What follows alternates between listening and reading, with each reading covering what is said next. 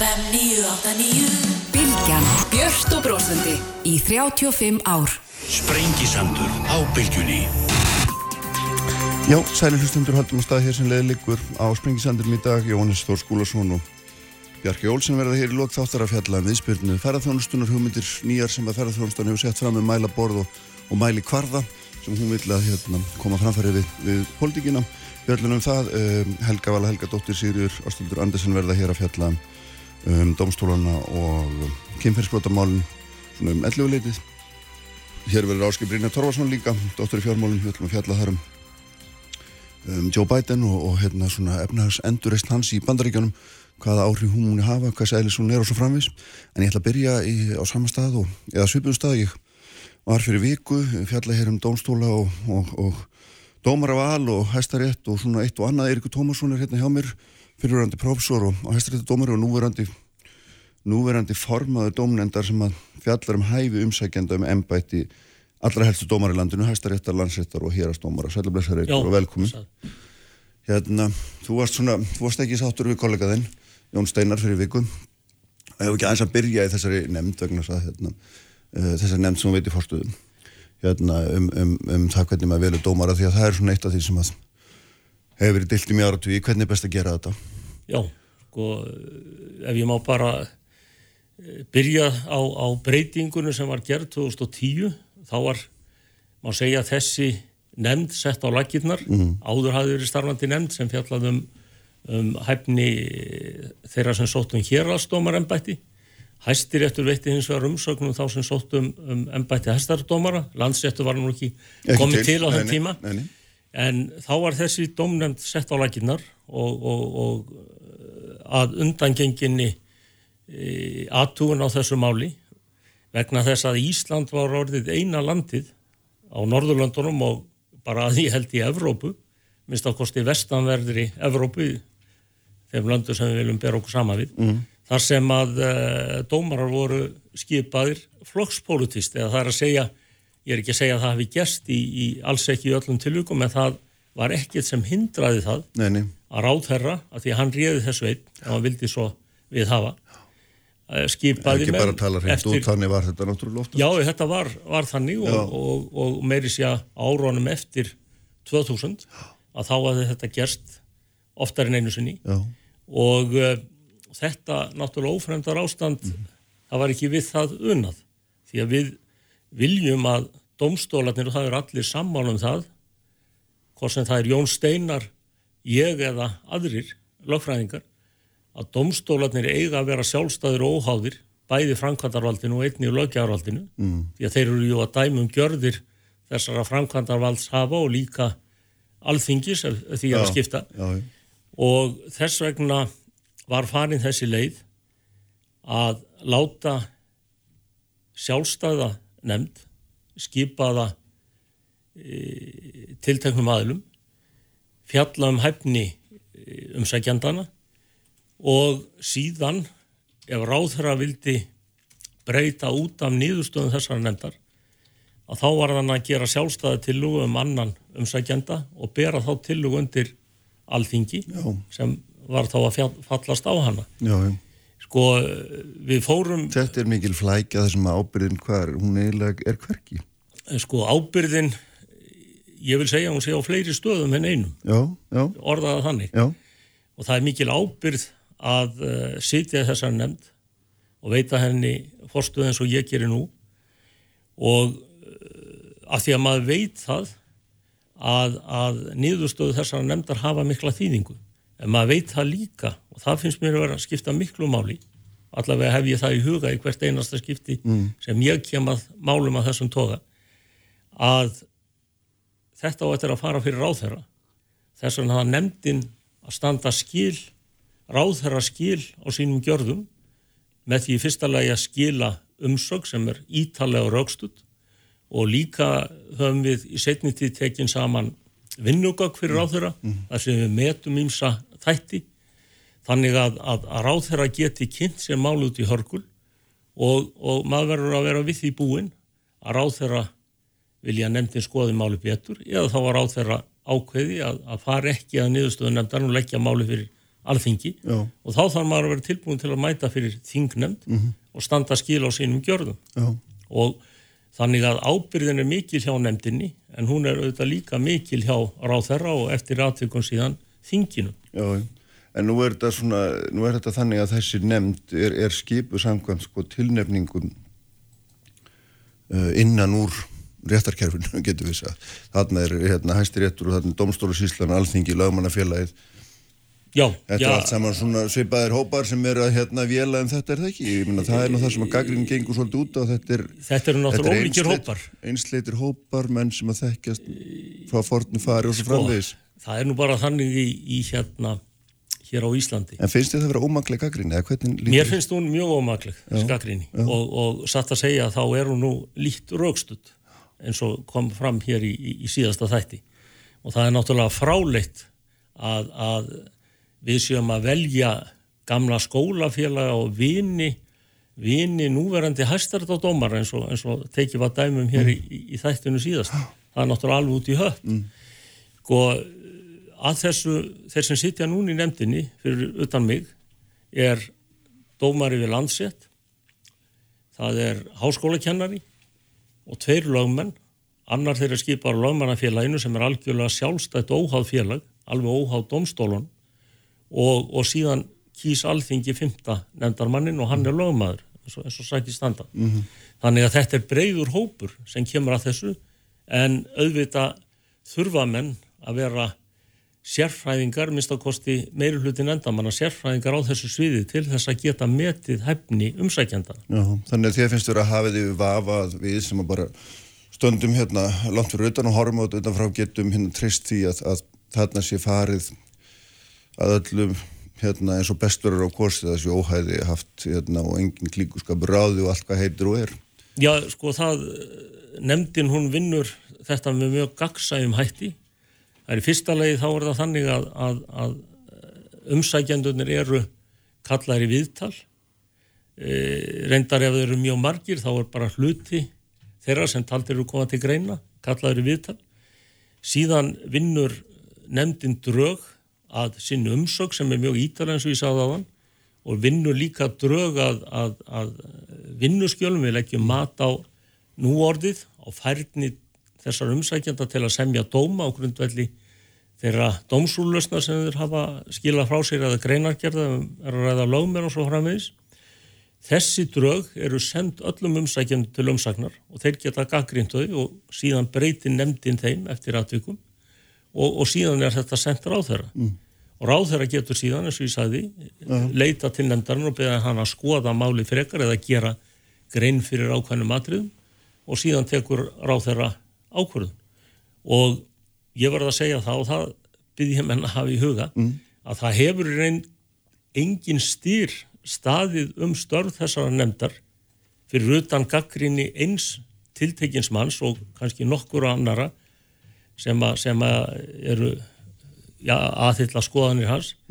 Annars hefur engin stýr staðið um störð þessara nefndar nema einu sinni þegar skipa var í fyrsta sinni í landsett Já, já. 2017. Það er nú fallegt að kalla það styrir, það var nú bara svakalegu kvellur. Já, já, það var, það var mikill kvellur og, og það var náttúrulega mjög sérstakt og þar hafði nefndin, ég var ekki í nefndinni þá en, en í nefndinni var, voru, voru mæ, mætir menn eða mæ, karlar og konur Já, og, um, og nefndin laði sér fram um að, að, að meta hæfni þeirra umsækjanda og það átt að skipi í einulegi 15 dómendur og það voru 35 umsækjendur hefur mann rétt. Já, og nefndin hafði mjög stuttan tíma til að vinna.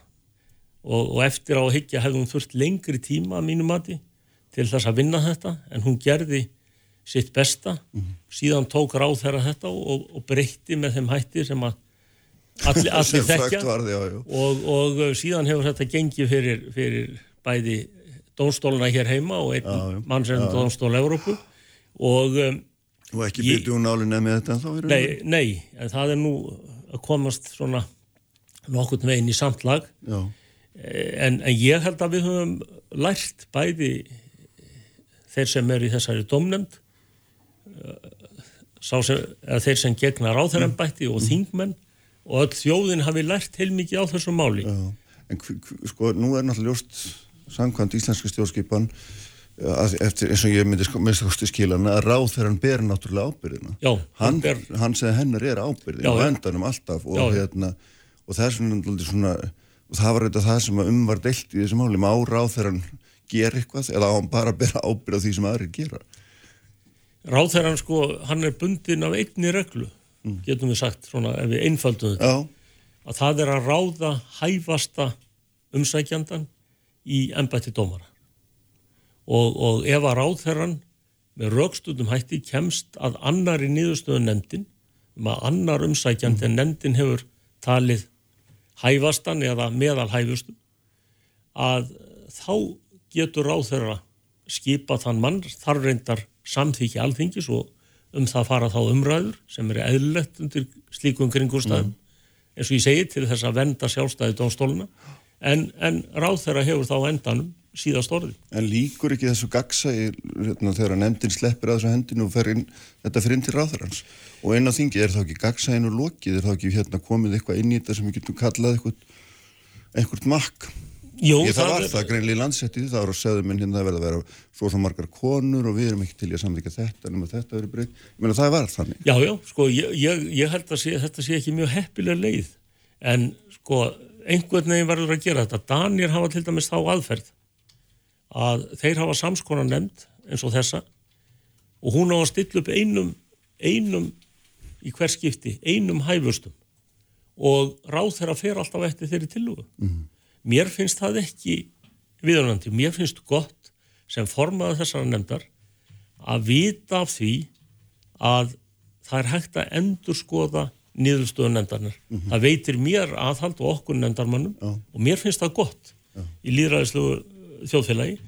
Nú auðvitað fara svo fram umræður á þinginu, þannig að það gerist auðvitað margt bak við tjöldin, Já, já. en ég hefði viljað eins og upphaflega var lagt til af nefnd sem fjallaði þetta undir fórustu Guðrunar Ellensdóttur, þá var endi hestarastómara, að það væru tveir þriðju alþingi sem þurft að fallast á, á, á tillugur á þeirra. -hmm. Vegna þess að við vitum það hér að það er alltaf tilnefingin til þess að stjórnin eða stjórnameilhundi standi saman. Já, já.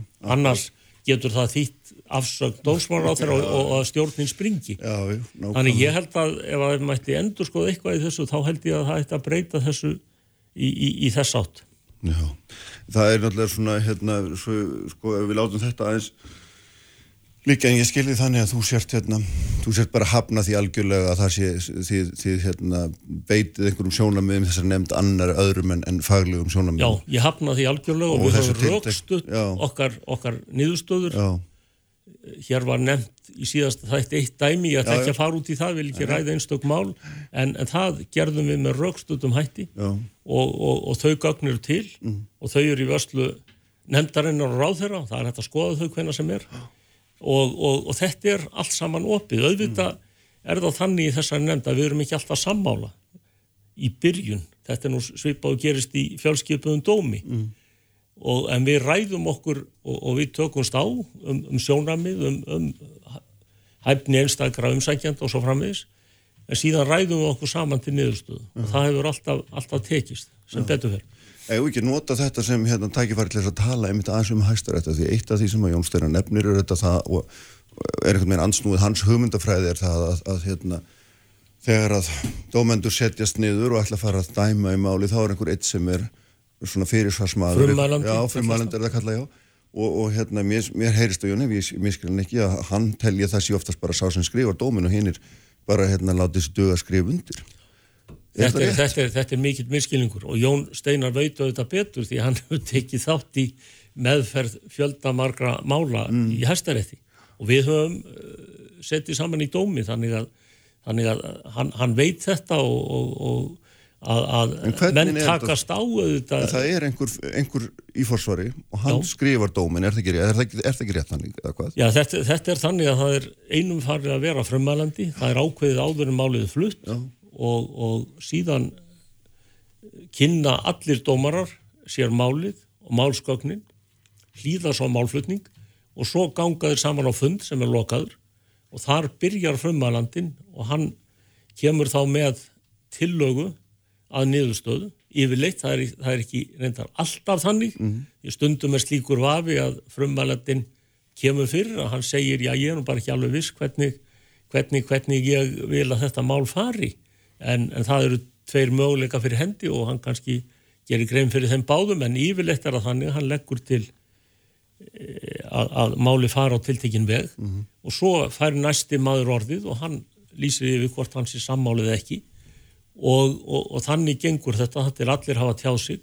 Síðan byrjar umræða á milli dómarana og það er viðleikni til þess hjá öllum dómurum, ég held að Jón Steinar sé undantekning frá því að það er viðleikni hjá öllum dómurum að reyna að koma sér saman um niðurstöðu og það tekst í flestum tilvikum. En af hverju er það, hvers konar lögfræði verður það þegar menn bræða svona saman sjónami sem að ég get ekki betur sem getur verið gjör ólík? Já sko þau, þau eru það kannski við fyrstu sín en þegar maður fara að ræða málið betur þá sjá menn að, að röksemd, ég, ég bara tek sjálf á mig sér dæmi, Já.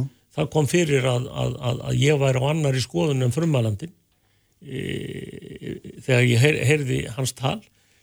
En, en ég bara skipt um skoðun. Ég, og, og ég tel að það sé sko, einn af þeim kostum sem góður dómari þarf að vera búinn. Hann þarf að vera tilbúin til að skipta um skoðun. Já. vegna þess að þegar hann hlust, hlýðir á málflutning þá hefur hann kannski myndað sér skoðun á máli. Og oftast er það nú þannig að maður breytir ekki um skoðun þegar maður hlýðir á málflutning ekki svona í stóru myndinni en það hefur þó komið fyrir í þó nokkuð oft hjá mér að ég hef skipt um skoðun eftir að hafa hlýtt á málflutning. Síðan sest ég með kollegonum á þennan fund og þá kannski gerist það að ég skipt aftur um skoðun.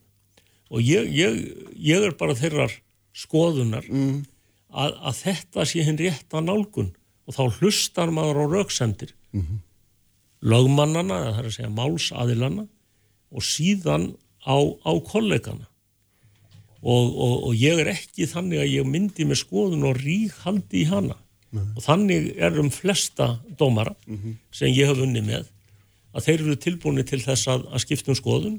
Og, og, og, og þetta er auðvitað heppilegast að mínum dómi ef að þrýr eða fimm dómarar geta komið sér saman um niðurstöðu. Auðvitað er í því fólkin einhver málamilun Já. en þetta er daldið svipað og bara með stjórnmálin. Þó, þó að ólíku sér saman að jafna við erum náttúrulega við erum að líta til réttar þið og, og lögskýringar. já, já, já, sko eh, við byggjum á grunni sem við megum ekki fara út fyrir. Það er alveg rétt. Og við byggjum á aðferðum sem við eigum að virða. Já. en í flóknum málum að þá getur það verið mikið álitamál. Í fyrsta lagi við hvaða réttar heimild maður stýðst mm. það er nú yfirleitt eru það sett lög og þá ganga þau framar. En svo geta sett lög verið þannig bara til að setja fólk inn í þetta Já. lög sem alþingi hefur sett að þau stundur stangast á. Og, og, og þá er það til dæmis þannig að þá ganga sérlög fyrir almennu lögum yngri lög fyrir eldri lögum. Þetta er svona þessi viðtekna lögskýringar aðferð en það getur verið í þessu tilvík geta komið upp álitamál. Það er að segja eru yngri lögin eru þau sér ákvæði eða eru eldri lögin sem eiga að víkja eru þau sér ákvæði þá gangaðu framar. Þannig að það kom upp alls konar álitamál svo ég reynir, nú er ég að Já. reyna að hafa þetta svona í daglegu Já, þannig að fólk skilji já, þetta þig. En sko, hérna, þú sést skiptum skoðun, ég menna, gerist það þá að, að frumalendin skiptum skoðun? Já, já, frumalendin skiptum skoðun, já, já. Já. Og, og síðan þegar menn eru búin að koma sér saman þá skrifar frumalandin, Mm. ef hann er í meiri hluta, Mhm. þá skrifar hann drögað dómi eða atkvæði, eins og það er kallað, og, og, og síðan lesa allir dómararnir yfir dómin, eða það er að segja, áður en hann, áður en menn láta hann fara frá sér, og, og þá koma menn að ýmsum breytingu og menn halda oft marga fundi að máli eru flókin, áður en menn komast að niðurstöðu, þannig að það er mikil vinna Já. sem líkur hann að baki. Er þetta betra fyrirkomlega, hérna, er ykkur en að skila sératkvæði? Því að eins og nefnir að dó- mál eru flókin, það er hægt að nálgast um ýmsum hætti, það er ekki eins og alveg örd hvaða réttar heimildum er best að beita í hver skipti. Er betra að ná einhverju sameili niðurstöðu millir fimm manna sem að í hjarta sínu hafa kannski verið algjörlega ósamála, heldur en að sjá bara í hverju en réttarfarslegi ágreiningur er fólkin? Sko, ég tel að það sé betra að menn skili samiðanlegur í niðurstöðu en hún auðvitað má ekki vera það óskýr að hún sé óskiljanleg. Nei. Það er að vera, vera skýr og eins rauksemdirnar Já. fyrir henni. Og Hitt ef að menn koma sér ekki saman um það, Já. þá verða menn að, þá verða menn að skila sératkvæði. Já, en hitt lítur að vera möguleik eins og hún nefnir ef að menn er að hérna svona tala sér saman um að þá verða hérna, þá verður málamilunni slík að hérna nýðustæðan verður merkingalítil. En það lítur að vera alltaf hætta. Það er, það er ákveðin hætta og, og þetta reyna menn að, að sigla þarna millir skers og báru, hafa þetta skýrt og skiljanlegt. En um leið er fólkin getur verið fólkin í því sérstaklega rauksemdónum getur verið fólkin ákveðin málamilun en, en ég held að þetta, þetta fer bara eftir viðhorfi dómendana það er að segja ertu tilbúin til þess að fallast á málamilun eða ertu heldurðu skoðun þinni til streitu. Þetta er dálítið svipað með stjórnmálamenn. Ég hef alltaf verið þannig, ég hef nú verið í miðjun í, í pólitíkina því að það var nú talað um að menn vissi ekki hvaða skoðanir dómarir hefðu. Ég hef ekki verið að leina skoðunum mínum áður en ég fór í hæstarétt. Eins og er eftir að ég kom þanga þá hef ég ekki tjáð mig um, um þjóðfélagsmál, ekki fyrir en ég er þá hættur og, og, og ég tel það farsalast en, en, en sko við erum með mismunandi hefðir í þessu sambandi sko í, í, í bandaríkjónum og í Noregi, svo, svo dæmi sér tekið, þá týðkast það að hver dómari greiðir aðkvæði. Þá greiðir frumalandin aðkvæði fyrst eða sá sem er í, í, í leiðir meirulutan og, og, og svo greiða með aðkvæði sammála eða skila sér aðkvæði og, og geta þá komið að sínur sjónamöðum. Við fylgjum þeirri hefð sem að, sem að ríkir í Danmörku þar sem að um, menn skiptast yfirleitt, ef menn skiptast á hana borð þá skiptast menn í tvo hluta. Það er að segja meiri hluta og minni hluta og minni hlutin skila þá sératkvæði. En síðan er til þriðja hefðin sem er nú kent við Þískaland og henn er til dæmis beitt í domstól mann, í hérna domstól uh, Evrópusambandsins í, í Brussel að þar er ekki byrt neinn sératkvæði, þar er bara, kemur bara dómurinn og ef einhver dómari hefur verið ósamála hinnum þá kemur það ekkit fram.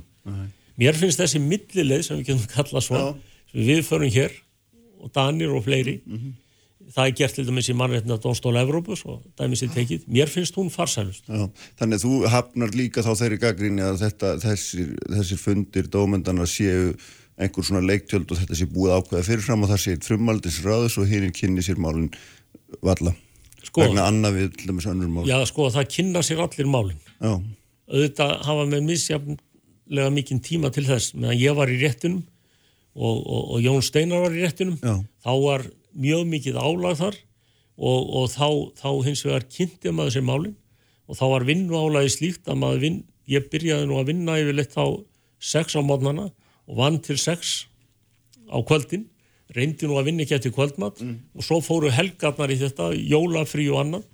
Þannig að þetta var gríðalegt álag en maður reyndi eftir mætti að, að, að, að sinna sínu starfi og, og það held ég að allir dómararnir hefði gert. Og, og menn eh, eins og ég segi e,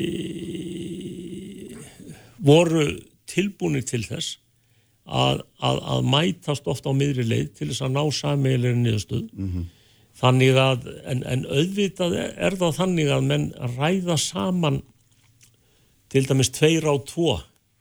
Og, og það er bara þannig í raunveruleikanum alveg eins og gerist í öðrum stopnunum þessa samfélags eins og alþingi. Að, að það er ekki allt rætt á formlegum fundum. Nei, nei. En, en, en við höldum, það er þó haldið í þetta form að hittast á samíðulegum fundum þegar allar ákvarðanir eru teknir og niðurstaðan, niðurstaðan farið er um niðurstaðan Sko, hérna, bara, er svona að fá aðeins að, hérna, henda þið fram á aftur vegna þess að það er svo margt í þessu sem er svo áhugavert og meðal annars er þetta með óhæði dómstólun og óhæði dómarna sem þeir eru bara að skera úr um síð sjálfum, hvort þeir eru hæfrið eða vanhæfið til að fjalla um mál. Og hérna sem er nú mjög merkileg regla náttúrulega í sjálfu sér en sko, segðu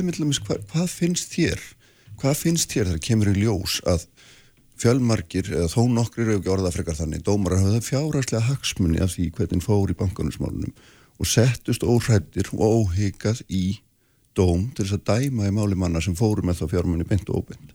Sko, ég var nú eitt þessara dómara ég átti, átti hérna hluti í tveimur bönkum Já, já, já. litla hluti Já, já, en sem er áttu meira já, já, já, augljóst, já. Og, og, og ég dæmdi í, í málefnum annars þessara banka e, vegna vanhæfis dæmdi ég ekki í málefnum hins bankans, sem, þar sem ég átti hlut. Já, já. þessi hlutur sem ég átti var mjög óverulegur og, og það mál gekk nú allar til Strasborgar og þar var niðurstaða mannréttadómstólsins svo að hlutafjár eign mín í þessum banka hefði verið það óveruleg að það hefði ekki leitt til vanhæfis. Já, ég skil það, en, en, en heilt yfir þessi, þessi hugmynd bara um að hérna, segja ekki frá þessu, þú sagðir á hana hérna, þú hefur, þú hefur sjálfur alltaf hérna, verið ofinskar með það hvar þú stæðir í þjóðmálum og hérna verðum við ekki að fá að vita þetta um dómar, er þetta ekki ákveðin svona trúna brestur sem sko, þarna verður? Það sem hæstiritur gerði þegar þetta kom upp að þá voru þessar fjárhásupplýsingar allar byrtar á heimasíð Já, og ég, já, og ég segi það reynd út. Já, það hefði verið betra að þetta hefði verið gert strax í upphafi allt frá upphafi. Já, en menn eru nú bara stundum að læra. Já, og, og eins og ég segi menn, menn hérna menn gera mistök og, og það er mannlegt að gera mistök og, og dómarar auðvitað gera mistök eins og aðrir döðlegir menn. En, en menn reyna í sínu starfi að forðast slíkt. Já, en það sem er svona myndina segir ykkur er svo, já, ég menn hefði á tilfinningunni að þetta ekki komist upp, þá hefði menn aldrei sagt frá þessu. Þeir voru knúnir til þess og hérna þetta hefði aldrei, og þú sjálfur náttúrulega, menn þið hefði aldrei upplýst þetta öðrum kosti, að því þið ég- töld, að þið töldu, að býtu, að þið töldu einhvern veginn inn í ykkur að þetta væri í lagi, að þið ákvaða það sjálfur að þetta væri í lagi. ég, ég gerði það fyrir sjálf mig Já. að þetta veri lægi Já. og, og, hérna, og ég upplýst ekki um þetta hvorki mína meðdómendur nýja, hérna málsæðilina Og það hefði verið Ég- gagkvæmt til öðrum. Já, það var gagkvæmt hjá öðrum. Ég hafði ekki hugmyndu það að aðrir ættu þarna hluti fyrir, fyrir en eftir á. En svo þegar það- verið ljóst hvað þeir eru miklu, hvað, hvað flýgur það gegnum hugan? Já, það flýgur í gegnum hugan að það hefði verið betra að þetta hefði leiði fyrir. En er þetta ekki trúnaðabrestur á milli ykkar líka? Þú veist, gengur ekki að mann og segja, hvernig dettur þér í huga frá dæmi málur og tuga miljóna hagsmun, okkur segir mér ekki frá þessu? Sko, Já, ég spyr þig, já, já, ég meina, sko, þetta var nú þannig að, að, að, að, að hérna, menn höfðu nú keift þetta á misjöfnum tíma, þetta voru misjöfnlega háar upphæðir. Sumir áttu hluti gegnum fjárfestingarsjóðu, höfðu ekki hugmynd um það í hvaða böngum þeir voru að fjárfesta, þannig að þessar aðstæðan var mjög mismunandi. Mm. Það var viðhorfið í réttinum á þessum tíma að í fyrsta lagi þá skipti það, þeir einu sem gáttu verið vanhæfir, einu dómarinn sem gáttu verið vanhæfir í málum voru þeir sem áttu hluti í þeim banka sem umfjöldunar var hverju sinni eða starfsmenn þess banka og uh, það var staðfesta mannreitna dómstóra Evrópu það bara miða við hvert banka þó það eftir eign í öðrum banka þá varst ekki vanhæður við það og við verðum aðtúa það að, að, að dómari hann hefur alls konar fjárhagslara hagsmun að gæta og við töldum á þessum tíma það að eiga lítinn hlut það voru mjög margir íslendingar sem áttu hlut í Já, já. eins, og, eins og allir vita Jú, jú.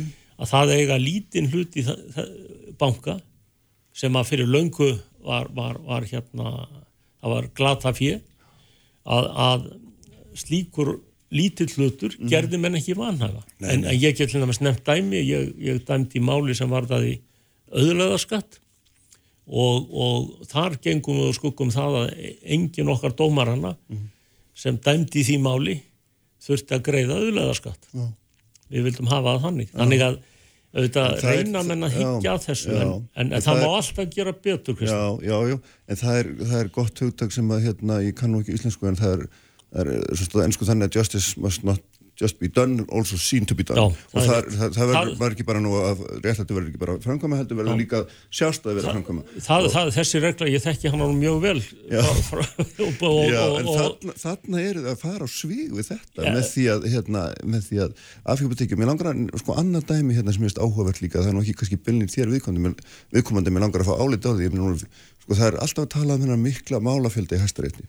Það eru sjö dómar, dómundur það núna eða dómarar og það eru verið fjórir með fastar kennslustöður upp í Háskóla Íslands og maður veldi fyrir sér, sko, akademiskir fjarlæð og gaggrinni og svo, hérna, er ekki nóg starfi að vera hæstaréttidómari þurfum að vera kennarar ofan á það já sko nú, Nú spyrst þér. sko meginreglan er svo að menn mega ekki gegna aukastörum, það sé að dómarar nei. en það eru reglur sem að sérstök nefndum dómarastörf hefur sett Mhm. þar sem að menn geta tekið að sér aukastörf og, og nefndin hefur svo síðast orðið um það hvort að slíkt aukastarf samrýmist starfið þeirra sem dómara. Hver er í nefndinni? Það eru, það eru þrýr lagfræðingar fyrrum það er hérna fyrrum hæstaradómari sem ég held að sé formað þeirra nefndar, ég hef nú reyndar ekki kynnt mér nákvæmlega hvernig sitja þar. en, en sko ég er bara, fyrst þú spyrðum mitt ég, persónlega já, já, ég, og ég var profesor við háskólan þegar ég var skipaði dómari, ég hætti já, hætti þar og, og hef ekki kent síðan við deildina. Svo, svo það komi nú fram. En um, ég tel að kennsla geti samrýmst uh, starfi uh, dómara en hún þarf að vera hófleg. Hún þarf að vera hófleg og auðvitað má það ekki verða til þess að háskólanir þeir verða að veita domstólunum aðhald. Já, já. og ég minnist þess þegar ég var profesor ég gaggrindi stundum dóma hæstar þetta er ekki já, oft. úrlösnir ég, ég gerði þá síða, síðast úrlösnir sem ég gaggrindi var nú hérna var nú úrskurðurinn um, um, um gildi kostninga til stjórnlaðathings já ég, ég, ég taldi að, og, og tel enn að, að, að sá, sá svo ákvörðun hæstaréttar hafi verið beinlýns raung. Já, þegar, þegar hann svo Já, ógilti þær kostningar. kostningar. Já, já. En ei, það er nú ekki tími til þess að fara að ræða það hér. Nei, það væri skemmt sjálfur sér. En, en, en það er þess vegna það er mjög mikilvægt og þetta en finnst þér ekki verið að tefla þessari, finnst þér ekki verið að tefla þessari akademísku fjalleg í tvísinu, eða hvað? Já, ég sko, mér finnst að þetta megi ekki bytna á, á akademisku frelsi háskólans, Nei. háskóla Íslands, háskólans Reykjavík og það háskóli sem það er, Já. til þess að vera gaggrinninn á störð domstólana. Í domstólanir verða að fá aðhald frá akademíinu. Já, já en svo kemur það í ljós þegar að fara Þannig að það, það verður bara að gæta því, ég get ekki svara þessu öðru í sig. Nei, nei, en svo kemur bara í ljós þegar að fara að skoða tengslinn milli lagadeildarinnar og hæstaréttar eru svo mikil því að, að hérna uh, dómurinn velur sér uh, með dómund, nei, hérna aðstofamenn og þess, það all, um, miklu meiri hluta úr Háskólu Íslands og þetta er, þetta er samgangur og, og, og maður veldi bara fyrir sér svona, er þetta heppilegt? Er þetta ekki, ekki grunninn alveg, sko augljósna leið til þess að skapa vantröst? Jú, það má, má halda því fram hins vegar er, er það svo að háskóli, eða sem hlaða til háskóli Íslands er náttúrulega lang elsta og rótgrónasta deildin og hún útskrifaði lengi vel, var eina deildin sem útskrifaði lagfræðinga þannig að allir eldri lagfræðingar komur þeirri deild jú, jú, jú, og, og það skapa nú að hluta til þetta sem þú ert að lýsa en en eh, já, það er til dæmis eitt dómari af því að þú nefnir þessi tengslu mm. Háskóli Ísland sem, mm. sem að var profesor við, við Háskólinni Reykjavík hann gerðist þetta landsjátadómari var þar í já. Tvö ára í mann rétt og hann sittur núna í hæstarétti þannig að, þannig að tengslinn koma nú víða, víða fram. Já, já, eitt hérna er ykkur við erum búin að vera langt á Ítali til okkur sem er, er ágætt í sjálfur sér en eitt sem er bara rétt á hann og ferð hérna því að það er, það er hérna og bara stuttur í nöður því miður en sko það er auðvitað þessi mikla umræðum kynferðsbrot sem er núna og það er auðvitað kemur, ég ætla nú að ræða líka setni þetta en það er kemur þetta mál sem þú ert meðlega sérfræðingur í sem er þessi þetta, þessi spurning um sönnunarbyrði hversu afdráttálega sem þarf að vera og segðu mér aðeins svona þinni reynslu hvernig að því nú er alveg ljóst að mjög mörgum þólendum þykir, þykir að bera skarðan hlut frá borði í réttakerfinu hvernig horfir þetta við þér? Já þetta eru náttúrulega einn erfiðustu mál sem að dómar að lendi í að, að dæma. Þegar að stendur staðhafing gegn staðhafing mm. Og eh, ef að ekkert kemur fram í gognum málsins sem bendir til þess að annar sá sem um þetta ber sé að segja ósatt að þá á dómar ekki um eina færa leið mm. að, að velja og það er að síkna vegna sem kallaði sönnunarskort og þá langar mig aðeins bara vegna umræðunar til þess að nefna já, það já. að síkna þýðir ekki að maður sé lístur saglus við þekkjum þá reynskunni gildi og nott gildi hann er ekki segur og það, þetta þýðir ekki að brotaþólinn hafi, hafi ránt fyrir sér. Þetta þýðir bara það að það hefur ekki tekist að sanna sekt ákjærða mm. Og, og, og, og við það verðum við að búa í réttaríki því við viljum ekki það er skári kostur þó slæmur sé að maður sem við vitum ekki hvort er segur eða saklus e, að skára að hann, hann, hann verði ekki dæmdur í fangelsi, mm. langa fangelsvist sem rústi hans lífi mm. að skári kostur heldur en hinn að líta fram hjá vafanum og dæma hann til fangelsvistar mm. sem getur þýtt að við séum að dæma saglösa menn til, til fangelsvistar þetta, þetta er þetta er meginregla réttaríkisins sem er bæði staðfest í okkar stjórnarskrá og eins í mannreitnda sáttmálum mm. en ég hef alltaf verið þeirra skoðunar að, og það er einn regla sem heyrist nú ekki oft nefnd sem að gildir í sakamálum. Og það er svo kvöldu sannleiksregla að það er svona dómarinn á að leita sannleikans í hverju máli. Og þess vegna eiga dómar að gera allt til þess að reyna að upplýsa máli þannig að þeir geti tekið rétta ákvörðun til dæmis þessi sannleiksregla lýsir sér í því að ef að menn játa á sér sög að þá er dómar ekki bundin að því að hann telur að, að, að um falsk, falska játningu sé að ræða eins og við þekkjum, mm -hmm. þá á dómar að síkna þrátt fyrir að, að menn játa á sér sög. Uh -huh. Þetta er sem betur fyrir sjálfgeft, Já. þetta getur gerst og, og þetta lýsir sér líka í þessum kynferðsbrotamálum að dómari, ef hann telur að dómarar að máli sé ekki nógu vel upplýst, þá eiga þeir að beina því til ákjæruvaldsins mm.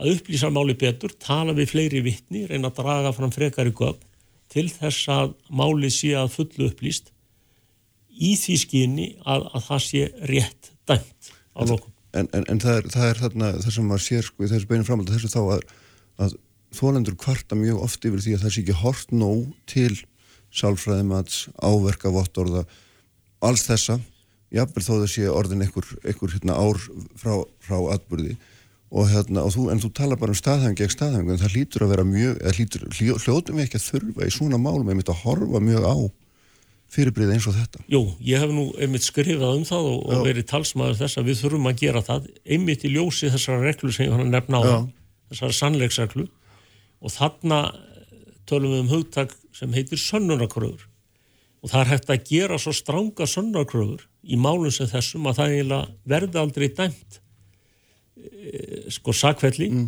nema maður játi mm. og þá með trúverðu um hætti ég er ekki, ég er ekki þar og, og hef sakveld menn eða staðferð sakveldingu í, í málum þar sem menn, haf, menn hafa neytað sög ef að fram hafa komið nægilega sterk sonnarkögn sem, sem benda til sektar mm.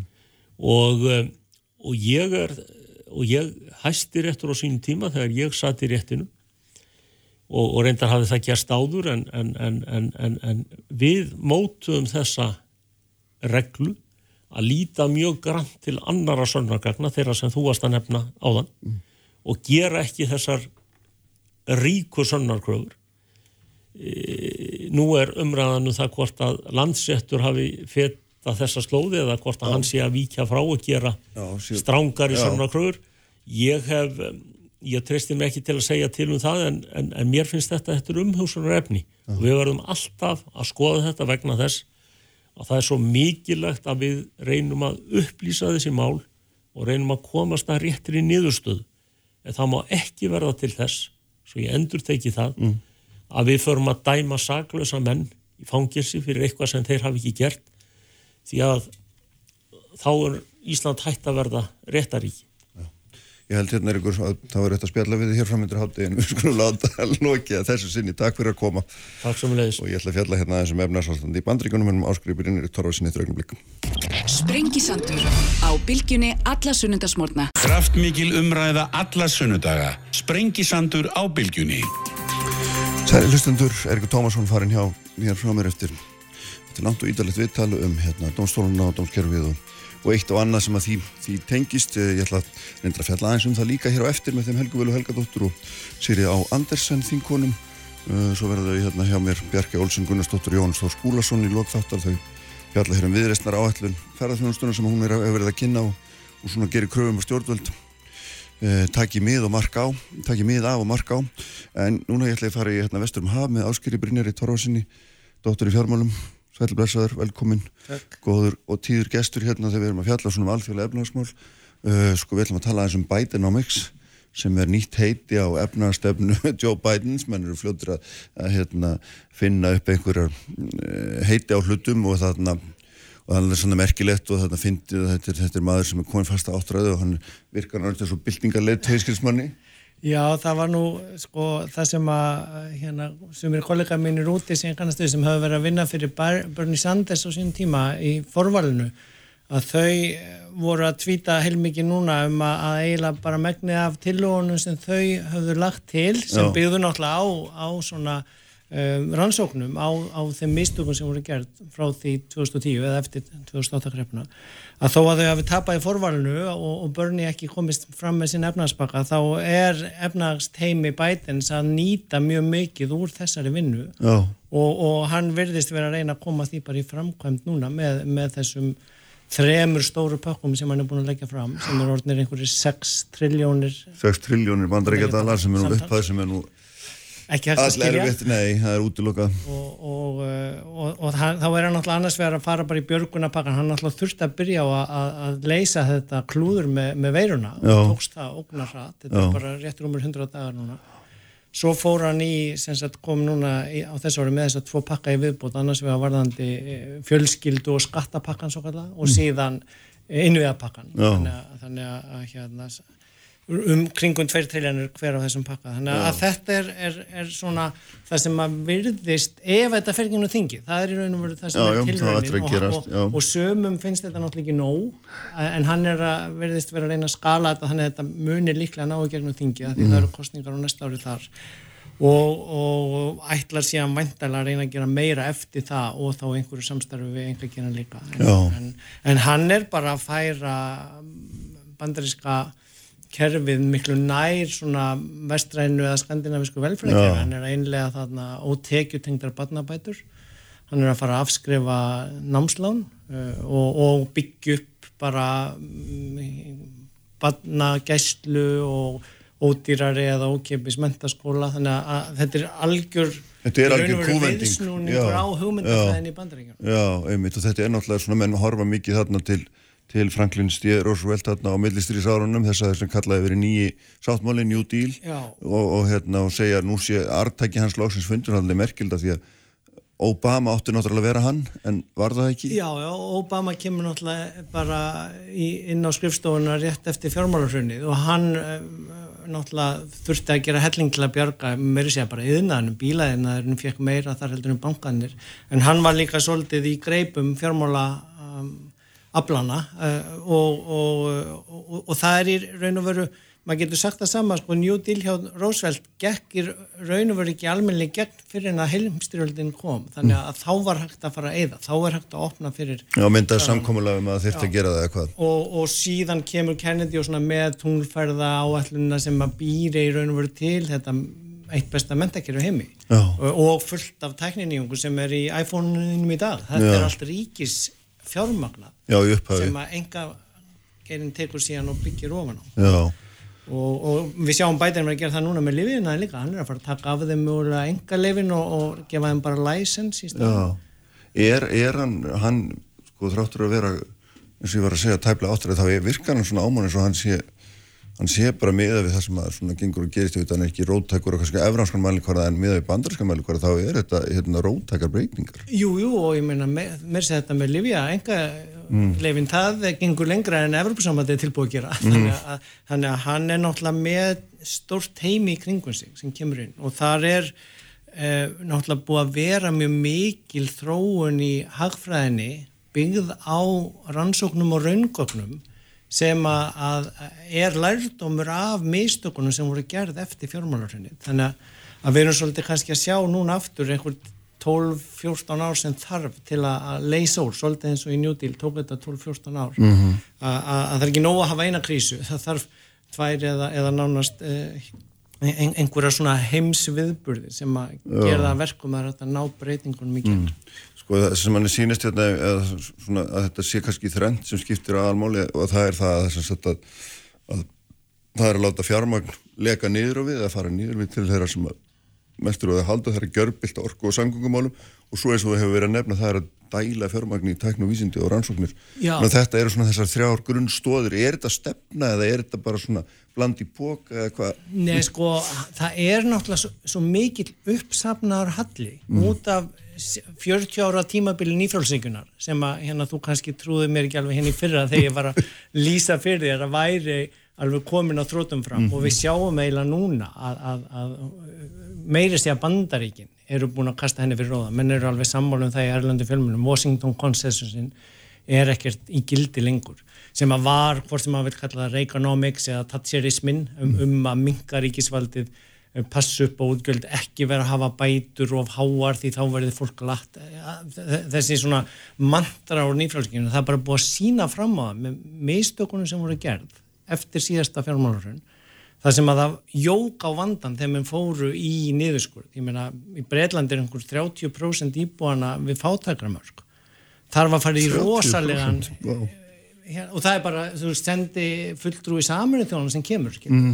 og, og, og þetta er að því þeir fóru í einna mesta austerity, sveltistefnu eftir 2010 og, og ég meina alveg eins og í bandaríkjum, það er búið að vera niðurskurður eða aðhald á að ríki sé að eigða í lestarkerfi eða, eða internetið, ég meina profesor sem ég þekki út í, út í Boston er ekkert með ljóslegar heima á sér, þeir eru á einhverju ADSL og ver, þetta er hluta af pakkanum sem hann er að byggja upp núna, Já. lestarkerfi er, er hundgamalt byggt upp náttúrulega fyrir mikinn penning fyrir lungu síðan og það, og það segir fólk sem er að gagna þetta er ekki nóð, þetta er bara rétt til að vinna upp uh, hérna viðhaldsskortin með hann að Kína er á fullu að byggja upp hárhæðalestir í anda TCV í Evrópu þannig að, mm -hmm. að það þarf í raun og veru enn meir ef að þetta fyrir gegn Já. ef mann ætla að ná að svona modernisera Ameríku En sko það er, það er hérna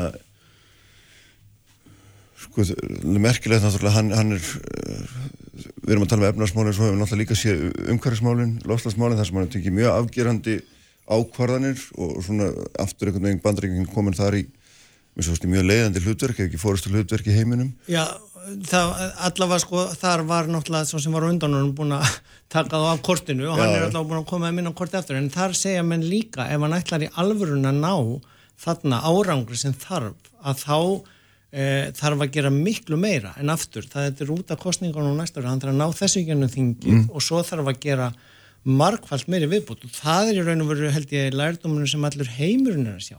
Við gátum breytt öllu 2020 þegar það var orðin lífsókn mm -hmm. sem stæði af okkur að veiru og, og, og, og næsta verkefni þegar það verður búið að ná að eigða henni ef það tekst, ef hún stökkbreytir sér ekki endalust, að það er náttúrulega enn meiri ókn sem er lofslagsmáin sem að menn komu aldrei á dagskrána en núna, og það verður dýrar og dýrar eftir sem býður með það -huh. alveg eins og með, með innviðuppbyggingunni og býður með það þá bara sapnast upp hallin Já, en svo er náttúrulega merkilegt leðum að tala um þetta og leðum við tölum um þetta þá sjáum við að, að bætin er jafn lamaður í málumnum hérna fyrir botni mér er það eins og eins og forverðarnar þrátt fyrir miklar ylýsingar um alltaf að leika annars konar utanrikstemni þannig að það Já, þá, þá ertu komin út fyrir mitt Já, ég veit að, en, ég veit en, en við sjáum hins vegar sko Ég er bara að reyna að draga upp einhverja mynda þessum svona, hvernig hann er að takast á í hlutinu og, og hann er búin að breyta er að breyta mjög mikið varðandi viðskiptastefnina við Kína mm. og, og Evrópusamöndin enda líka það, en sko, takk til því, eftir 2008 þá var það Kína sem fór í og millir 2013 og 2016 að eða meiri stál og sement heldur en bandaríkin á öldinni síðustu. Uh, og þau í raun og veru Kína dróðu okkur út úr heimskreppinu sem var hætta á þá, sem varð ekki. Eðislan í fyrra og í ár af öllum ríkisjóðum sem fóru allir í hallarekstur bjargaði okkur frá heimskreppinu núna en Kína er ekkit endilega að fara að draga okkur út úr þeim efnarsandrætti og þess vegna eru menn að horfa á að núna þurfi bandaríkina mm -hmm. að koma þar líka og tóa vagnin mm -hmm. að því að þeir eru líka með svo mikinn uppsapnaðan uh, vanda sem þarf að fjárfest í þannig að það er svona á, á, á heimshagkerfi sviðinu sem menn eru svona að horfa til akkur þetta sé mikilvægt og svo sér maður líka í alveg fjármálur á hjónu sem var selbungstjóri og, og, og þó að það komi svona hefðbundna gaggrinninsrættir eins og Larry Summer sem var fjármálur á það það er bara gert grína honum á Twitter núna sko. fjármálur á hann hjá Clinton. Já hann er að segja þetta sjálft og mikið og sé versta á ríkisfjármálastefna í 40 ár já, já. en, en Jarlen er bara ekki með ágjör af því að haggjörfi sé að verða og feitt og það þurfa að kerða heitt lengi og hún hefur miklu meira ágjör af því að það sé ekki nóg tekjur að koma inn í ríkisjó hún ætlar að setja meiri skatta á fyrirtæki sem gangur vel og, og auðvega einstaklinga. Og það er náttúrulega að byrja að tala um svona fyrirtækjaskatt á heiminum, heimsvísu. Og, og maður sér í þessum til dæmis nýjasta pakka bætins, það er 80 miljardar bandarækjadala í skattaeftilitið mm. því auðvitað þarfst að ebla það þegar þú ætlar að ná í tekjur fyrir ríkisjóðin á móti öllum þessum útgjöldum. Því að, að, að við sjáum það náttúrulega og maður getur haft ágjör á því bæði fyrra og í ár þegar að það byrja að hleypa í, í sjóðina á kjöldkallana þá eh, hérna vill gerðnan mikið meira og, og, og það er erfitt að stöðva og vinna gegn því. Þar er pólitíkina náttúrulega á að sjá til þess að það sé sett í réttur hlut. Já, en þú segir mér hlægilar í samins, er, er sérst bara búið að grafa þessa hugmyndum að, bara endanlega, maður, nei endanlega, bara í bílallega um að, að hérna, menn ég gæti þess að hagkerfi ofitningi með með hérna, tilsvarandi vastaverkjum. Ég sko, menn, menn sjá það bara mm.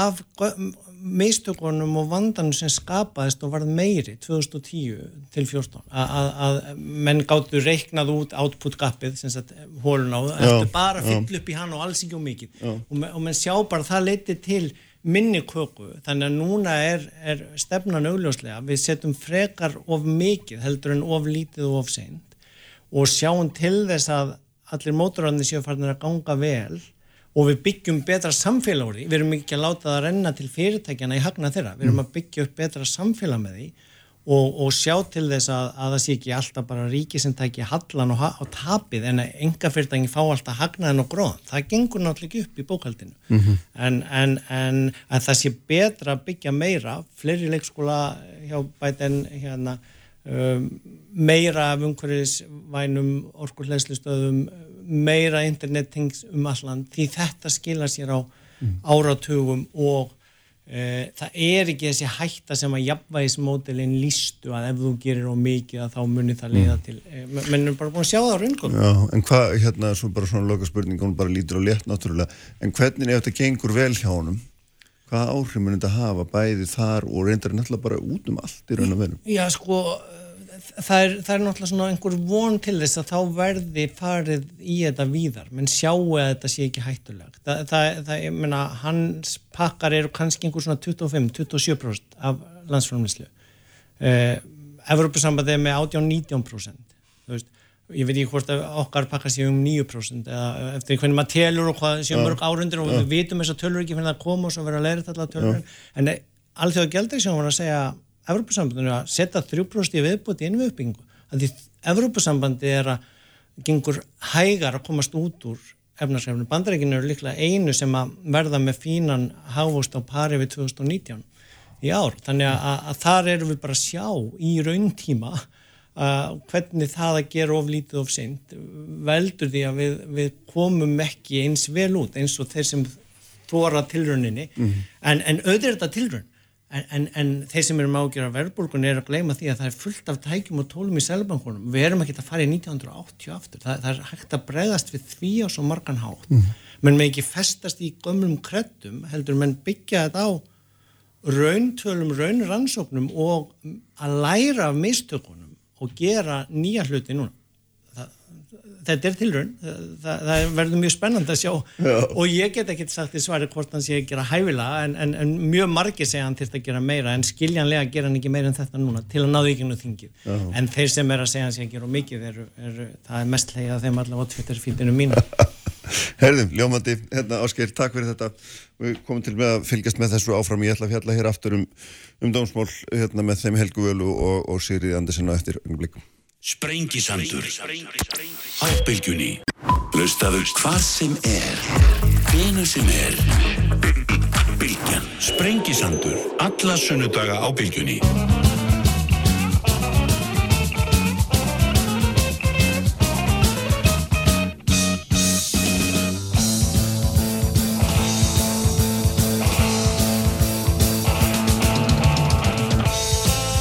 Sælir aftur hlustendur, þá er hann farin frá mér hann Áskil Brynja Þorvarsson uh, eh, doktor í fjármálum.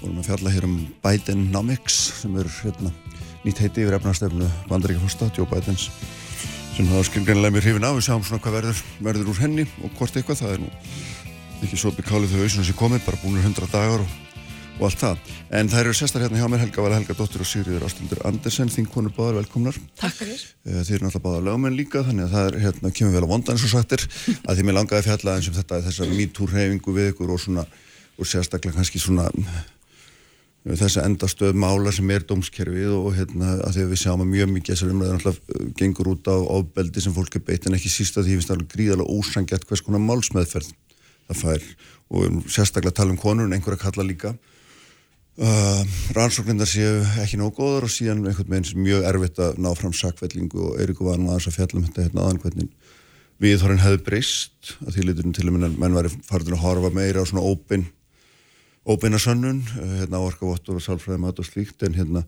en samt er svona, maður sér mjög mikla biturð.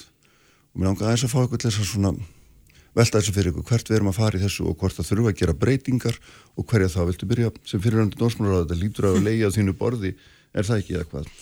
Jú, jú, þessi mál auðvitað, er alltaf til skoðunar og það er alveg rétt sem að Eiríkur var að benda á hérna á þann að þetta hefur breyst. Uh, og fyrir, hann nefndi það eins og segir líta á henni málinn, það má heldur ekki gleyma því og mér finnst það svolítið uh, samt verða út undan umræðinu að það hefur mjög mikið breyst í löggjöfinni undanfærin ár uh, ég meina ég, bara sem ég maður svona í fljótubræði 1999 var gerð mikil breyting uh, þess að bæta réttastuðu uh, fórnarlampa ofbeldis. Uh, 2007 var gerð sérstök breyting á 194. grein hegningalan sem fjallar um nöðgun í þá veru að nöðgunar hugtæki var vikað út. Alveg tímabær breyting eða í rauninni alveg eðlilega breyting sem gerði það að verkum og hefur skipt mjög miklu máli að uh, það var þá fallið frá því skilirði uh, til þess að hægt verið að dæma fyrir nöðgun að það væri ofbeldi í, uh, með í spilinu. Þannig að það var vikað út uh, með svo sem. Já og Já. ég meina alls, sko, alls konar nöðung og annað, það farið að líta á samþykkis uh, hugtæki, það var það kynnti sögunar. Já. Þetta gerist árið 2007 og þetta hefur uh, hérna breytt miklu. Nú í minni ráð þeirra tíð þá var samþykkt uh, þingmannamál, reynda sem að, með minnir að Helgavala hafi verið eitt flutningsmanna uh, sem að nikkir svolítið á þessu uh, konsepti, þar að segja þessu fyrirbæri með samþykkið, uh, kannski ekki svo mikil, kannski efnis, efnislega breyting en mönnum fannst uh, nöðsynlegt svona aðeins að, að nikja á þessu. Og ég held að uh, í þessu málum þá uh, held ég sé full þörf á meiri vitundar vakningu uh, almennings um uh, til dæmis hvað, hvað nöðgun er, hvernig lögin uh, skilgræna þetta. Og uh, ég, svo náttúrulega ég minnir á þeirra tíð að þá kynnti ég nú uh, laðið fram og, og, og það er verið að starfa eftir henni í dag uh, svona aðgerar áallun um, um umbætur í réttar, réttar vörslukerfinu í viðtöku skilningi, þar að segja hjá lögreglu og dómstólum í þessum málum er lúta kynferðisbrotum. Uh, og um, eitt af því er til dæmis einmitt að veita þólendu meiri aðgangað upplýsingum um hver málið er statt og svona og það hefur orðið heilmikil breyting bara á skömmum tíma uh, í þessum efnum. Og uh, uh, þetta er auðvitað þróun sem þarf að fara að halda bara áfram og við erum að taka upp uh, svona rafræna réttarvörslu gátt þannig hægt sé að flýta málum, hraða afgjörslu mála hjá lauruglunni, þannig að lauruglan sendi málin rafrænt inn til dómstólana og menn geti séð svona uh, hvar málin eru stött. Þetta skiptir miklu máli fyrir þá sem eru þólendur uh, uh, þessara brota. Uh, svo er, svo er auðvitað tekist á um hvort að kannski þólendur eigi að verða aðilar sérstaklega að þessum málum. Ég hef haft svona efasemtir um það ég er, vegna sem ég er ekki vissum að það þjóni endilega hagsmunum þólenda að gerast aðilar að þessum málum. Það, það er auðvitað sjálfsagt eitthvað til þess að, ræða. En uh, í, framhaldinu. En uh, hins vegar finnst mér sko brínt hins vegar að menn hafi það í huga þegar menn kalla eftir harðari refsingum í þessu.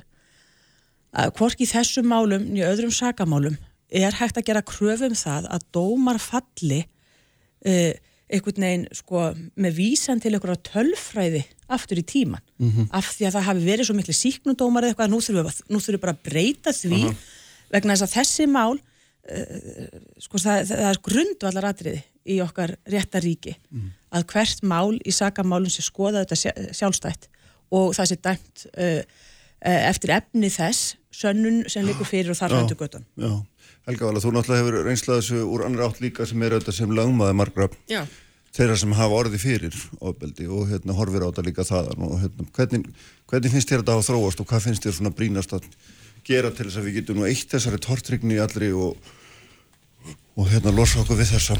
Já, ég hérna var lögmaður á neyðamóttöku og, og ge- gekk þar vaktir uh, á sex vegna fresti og kom þess vegna að, að fjölda mála.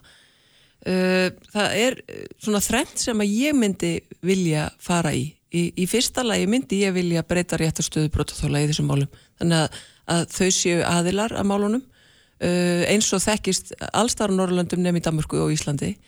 Uh, ég held að það sé mjög mikilvægt upp á þessa stöðu að þú upplifir þig ekki sem vittni að broti gegn eigin líkama heldur fáir uh, þarna stöðu, aðilastöðu uh, það gerir það líka verkum að þá getur, þá getur þú að- já, það, það, það þýðir líka að þú getur haft áhrif á það hvort mál er til dæmis áfríðað þú átt auki, aukari, aukin rétt inni í réttasalnum og þein lögmaður sem að í dag í rauninni situr bara við hlið ákjörvaldsins. Það er svona verið að reyna að tryggja þarna eitthvað jafnræði en, en brota þóli upplifir oft sem að uh, þarna sé enn einu sinni brotið af viðkomandi sem að situr ekki inn í dómsalnum uh, og auðvitað óskar brotaþóli oft eftir því að þurfi ekki að sitja þar inni. En, en vilji brotaþóli sitja inni þá fær hann það ekki. Hann fær ekki að sitja og vera vitni að aðalmeðfyrinni og ímislegt annað varðandi einmitt þetta bara aðganga gögnum uh, sá aðgangur er nú orðin meiri en þú getur ekki til dæmis haft áhrif á framvindu málsins af því að þú ert svona hliðar hlið, í hliðarstöðu. Uh, í öðru lagi þá um, verður að fjölga lauruglumannum á Íslandi.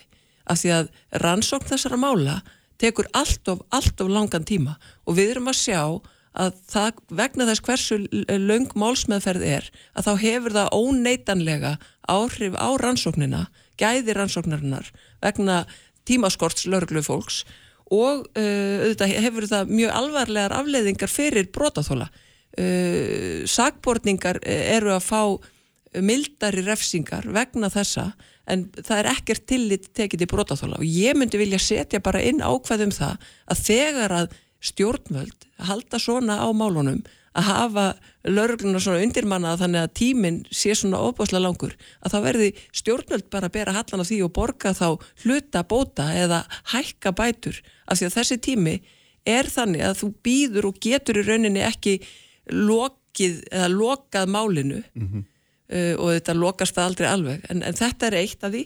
Þriðja er uh, aukin fræðsla til dómara. Og ég hef uh, lengi og, og talað fyrir því að, að, að mér finnst ekki gott hvaða eru ofbóðslega mörg mál feld niður hjá lauruglu af því ég held að það hvað eru mörg mál feld niður hjá lauruglu gera verkum að dómarar verða minna meðvitaðir um fjölbreyti leikan í þessum brotum uh, og geti að verri hátt einhvern veginn átt að segja á hvað uh, viðbröð brotaþóla eru allskonar, þau eru svo margvísleg. Það, og, og, og, og hérna og hvernig brotin eiga sér stað og hvar og með, allskonar, þú veist, ég, ég held að dómarar þurfi að fá að sjá málaflokkin í rauninni á, á víðari grunni til þess að átta sig á hvað þetta er rosalegt vandamál í íslensku samfélagi. Þetta er, þetta er svakalegt vandamál og ekki bara í íslensku samfélagi heldur út um allan heim. Já, og afleiðingar þessara brota eru svo langvarandi að við verðum að, að fara að taka þetta festar í tökum. Það er bara þannig.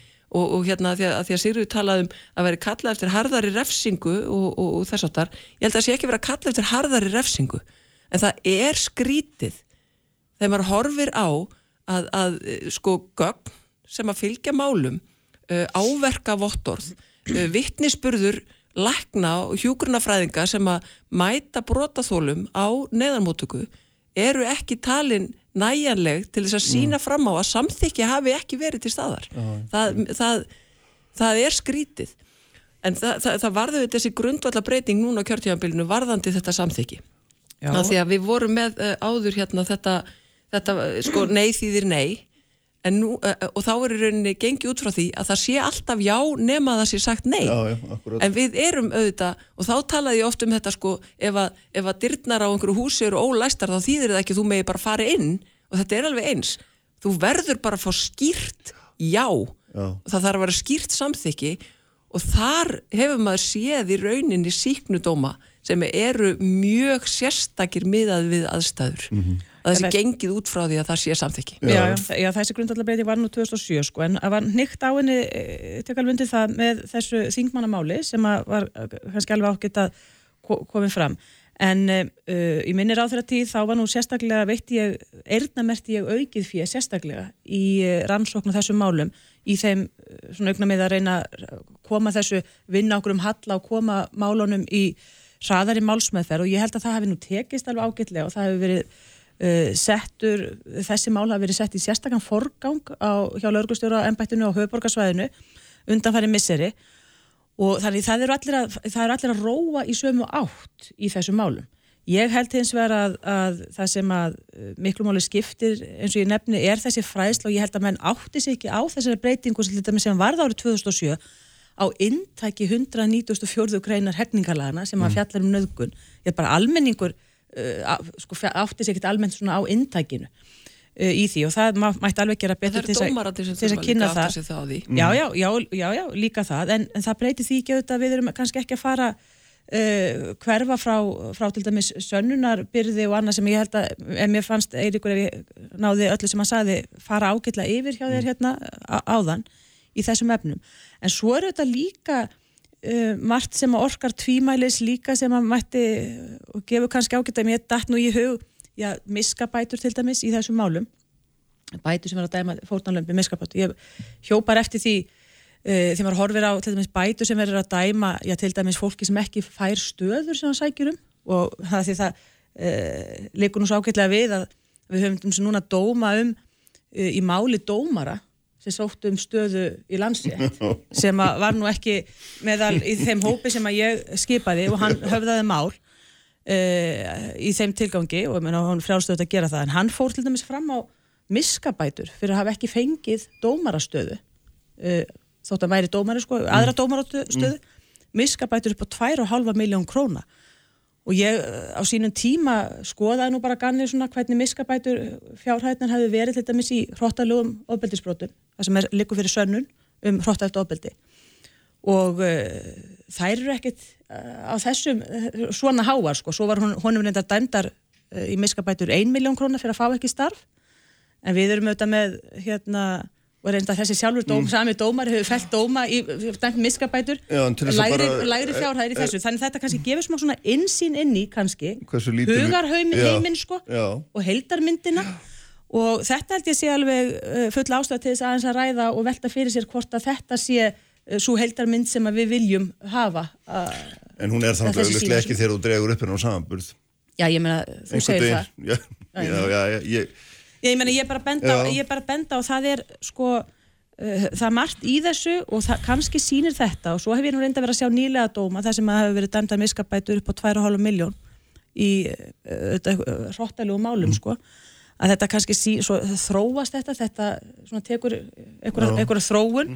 Uh, það, menn tala um það er nú ekki heppið þetta menn hoppi uh, hvorki refsingum, að því að refsi rammin er auðvitað rúmur og það er ekki alltaf öll mál sem að fá hörðustu refsingar eða vext, þetta er svona, þetta er mat og þetta gerist svona okkur tíma. En, eh, en aðalinda í þessu máli og þessari bylgu sem að núna er í gangi, sem menn eru að kynna núna til dæmis fram, sem menn hafa farið yfir mörg og uh, sko almenningu kannski sem átt, færi ekki alla sögun og spyr veitu, hvað þýða þessi mörg, ertu að tala um nöðgun ertu ofbeldismadur, eða ertu að fara yfir einhver mhm. siðferðileg mörg eða kurteisismörg ég held að þetta sé alveg tilhemd til þess að ræða aðeins frekar og þannig að þetta sko farið samt ekki að ég óttast það kannski að þetta má heldur ekki vera til þess að, að fletja út umræðuna og gera sko umræðu um hrottaleg ofbeldisbrot le le leggja þau að jöfnu við kannski svona einhver, það sem menn farið yfir einhver mörg í, í sko hegðum Já, já. og ég held að það sé fullt tilefni fyrir okkur Íslendinga til þess að aðeins að ræða bara, að já, ræða bara hegðum framkomu atferðli svona í víðari skilningi sko í þessum efnum sko. Já, já, það er náttúrulega líka einna mjög svona nefnilega nákvæmlega áhugavert líka auðvitað í þessu samingi sko hérna þetta er auðvitað svo fjölbreytt hérna. Já, já. flóra sem við erum að tala um að ábeldi er og Já, svo margvíslegt sko. Ég hérna verið að taka undir með Sýriði þarna því að, að umræðan undarfarnar daga hefur verið uh, mjög snúin uh, af því að það er í rauninni verið að setja á sama stað það sem að beita grófu kynfyrsópeldi hafa ég vel verið dæmdir ítrekka fyrir gróft kynfyrsópeldi og svo einhvern sem að sendir uh, enga skilaboð sem að eru á einhvern hátt uh, dónaleg fyrir viðkomandi sem að þó lætur það ekki ljós.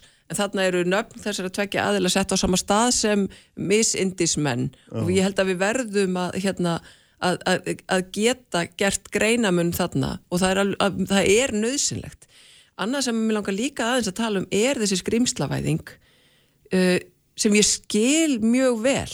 Ég skil mjög vel að þeir brotaþólar sem að finnst þeir hafa verið beittir órétti af kerfinu viljið þá bara af, af öllu afli uh, láta uh, hérna, höggin dinja á geranda sínum. Mér finnst það fullkomlega eðlilegt. En sem lögmaður í svona málum þá geld ég aðeins varhug við uh, þessari skrimslavæðingu vegna þess að ég hef mætt með brotaþóla sem að vill ekki fara áfram með mál einmitt út af skrimslavæðingunni af því að, af því að gerandin er einhver nákominn úr vinahóp eða, eða annað og, og viðkomandi vill ekki það vill ekki, sko við erum ekki með dauðarefsingar á Íslandi.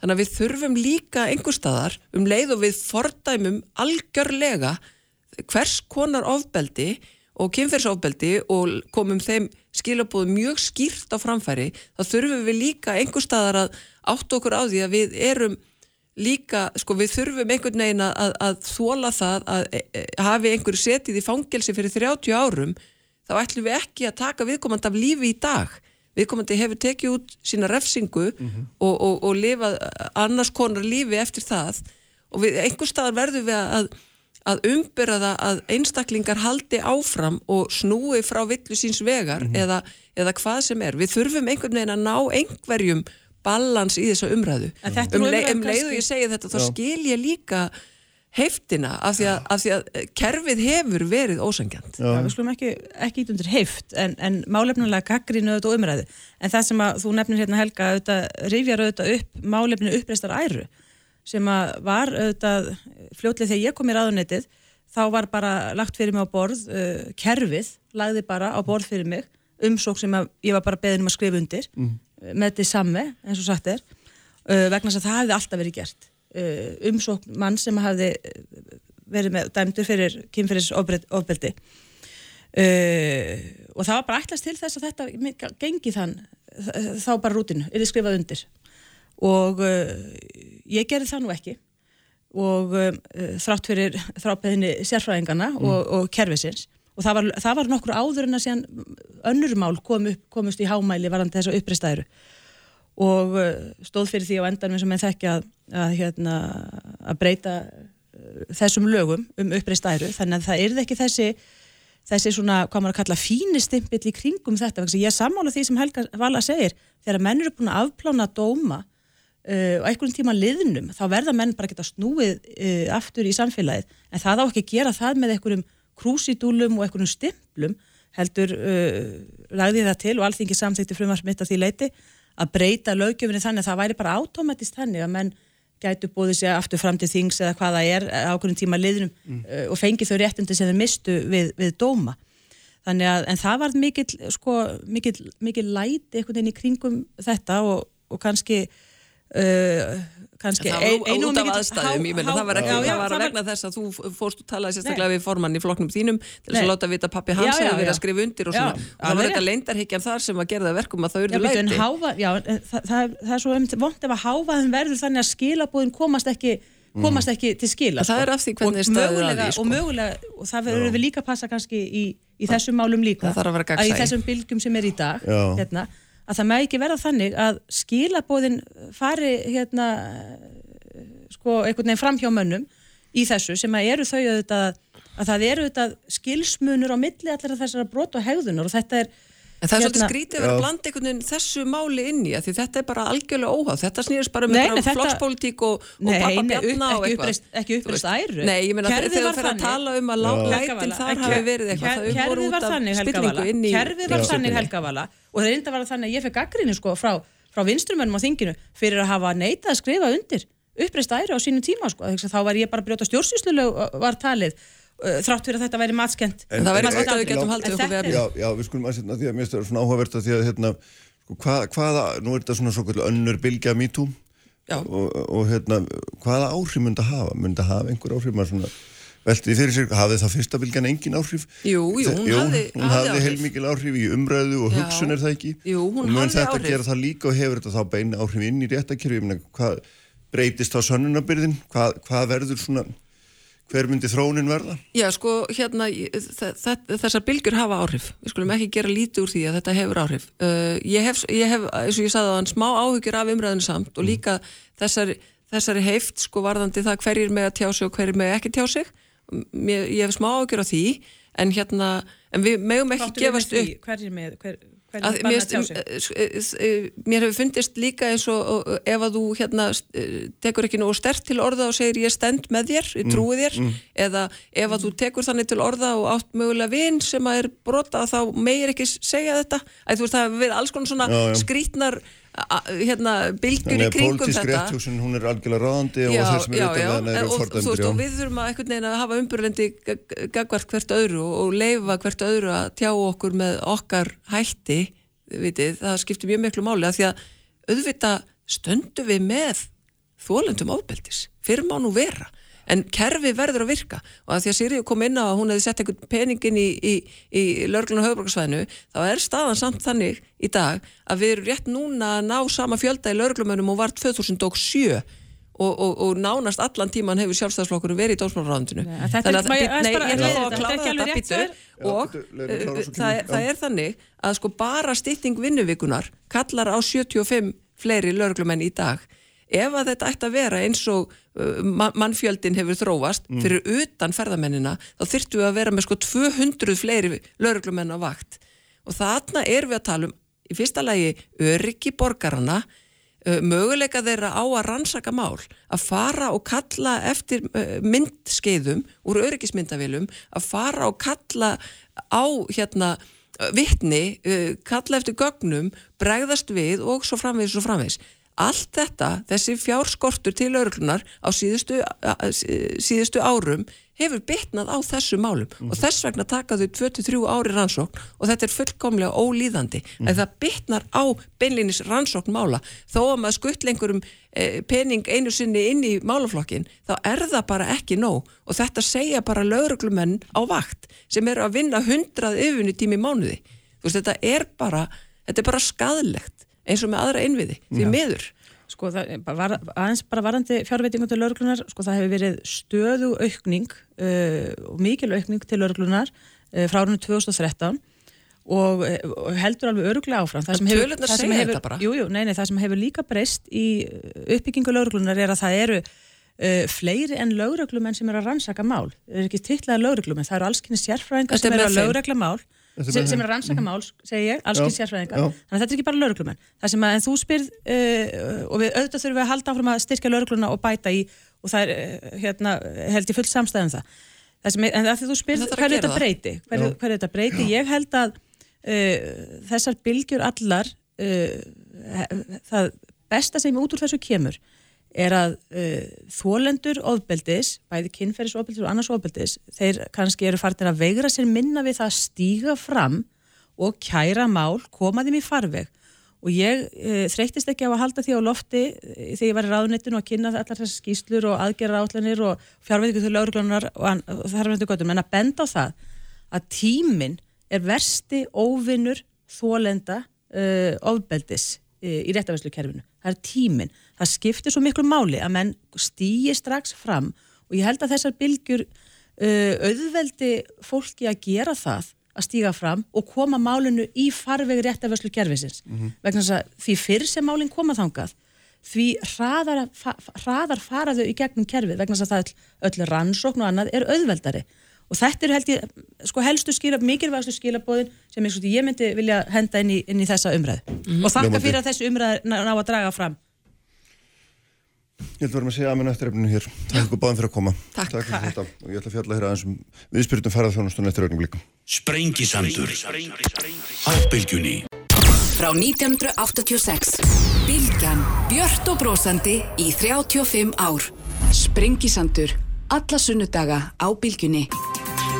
Sæli hlustundur, þá erum við komin hér á lokasprettin, það er farna frá með Sigriður Andersen og Helga Vala Helgadóttir.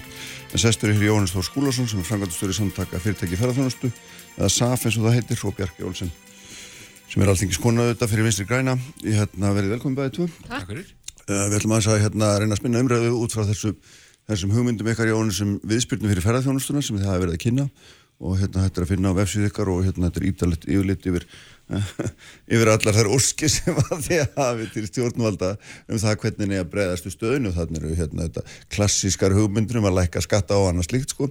Og hérna og líka svona áhugaverst að þið eru að reikna með því að eftir fjögur ár, 2025 þá verði samlega teikjur okkar að ferða þjónustu orðnar heldur meiri heldur en það voru voru mestar Já. 2019 er þetta ekki rétt munið hefur? Jú, þetta er rétt. Við Já. erum að leggja þetta fram í raunni á, á vefnum viðspinnan.is eh, bæði þá þennan vegvísi um viðspinnu ferðarþjónustu til 2025 og svo árangur smælaborð í tengslum við það til þess að fylgjast með árangurinnum okkar og, og þar erum við að setja markmið til þannig að, að um það hvernig við viljum sjá þetta árið 2025 að minnstakosti Mm. við náttúrulega vonumst til að verði enn betra en, en svona raunhæfi markmiðin eru einmitt að vera komin heldur lengra þá heldur en við vorum 2019 Mm er, er við að, eh, á hvers konar ferðarþjónustu er það að horfa? Ég Þetta er svona veist, að ég, ég veit ekki, er, er mikil stemning fyrir því að fara bara aftur í sama farið?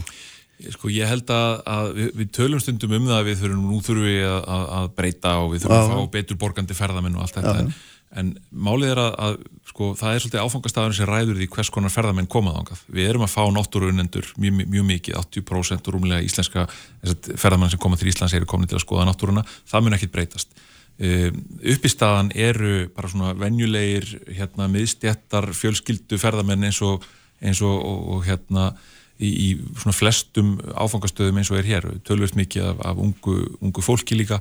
Þannig að við erum með um, áfangastað sem að mun ekki breyta mjög mikið hverjir sækja til hans. Það sem við þurfum hins vegar að gera er að reyna að fá meiri verðmæti út úr hverjum ferðamanni og það getum við til dæmis gert með því að, að, að auka líkundin á því að þeir gisti einni, tveimur nóttum lengur og svo framvegst þannig fáum við meira, meira verðmæti. Þetta snýst ekki alltaf um þá sem eiga meiri peninga sko.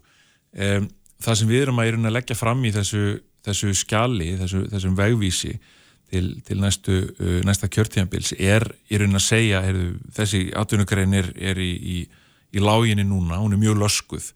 Uh, við allir tala um allt frá fjármála áallun og til Sælabankans og greiningadilda bankana tala um það að efnahagsleg uh, efnahagsleg bót þurfum við að eiga sér staði gegnum uh, viðspytnum ferðarþjónustunar og þá, þá fór, fórum við að segja heyrðu, ok, hér eru þá tillögur um það hvernig við getum eld þessa viðspytnu, þannig að við komumst enn hraðar í gegnum þetta, getum komið fólki af atvinnuleysi skrá hraðar og fyrr.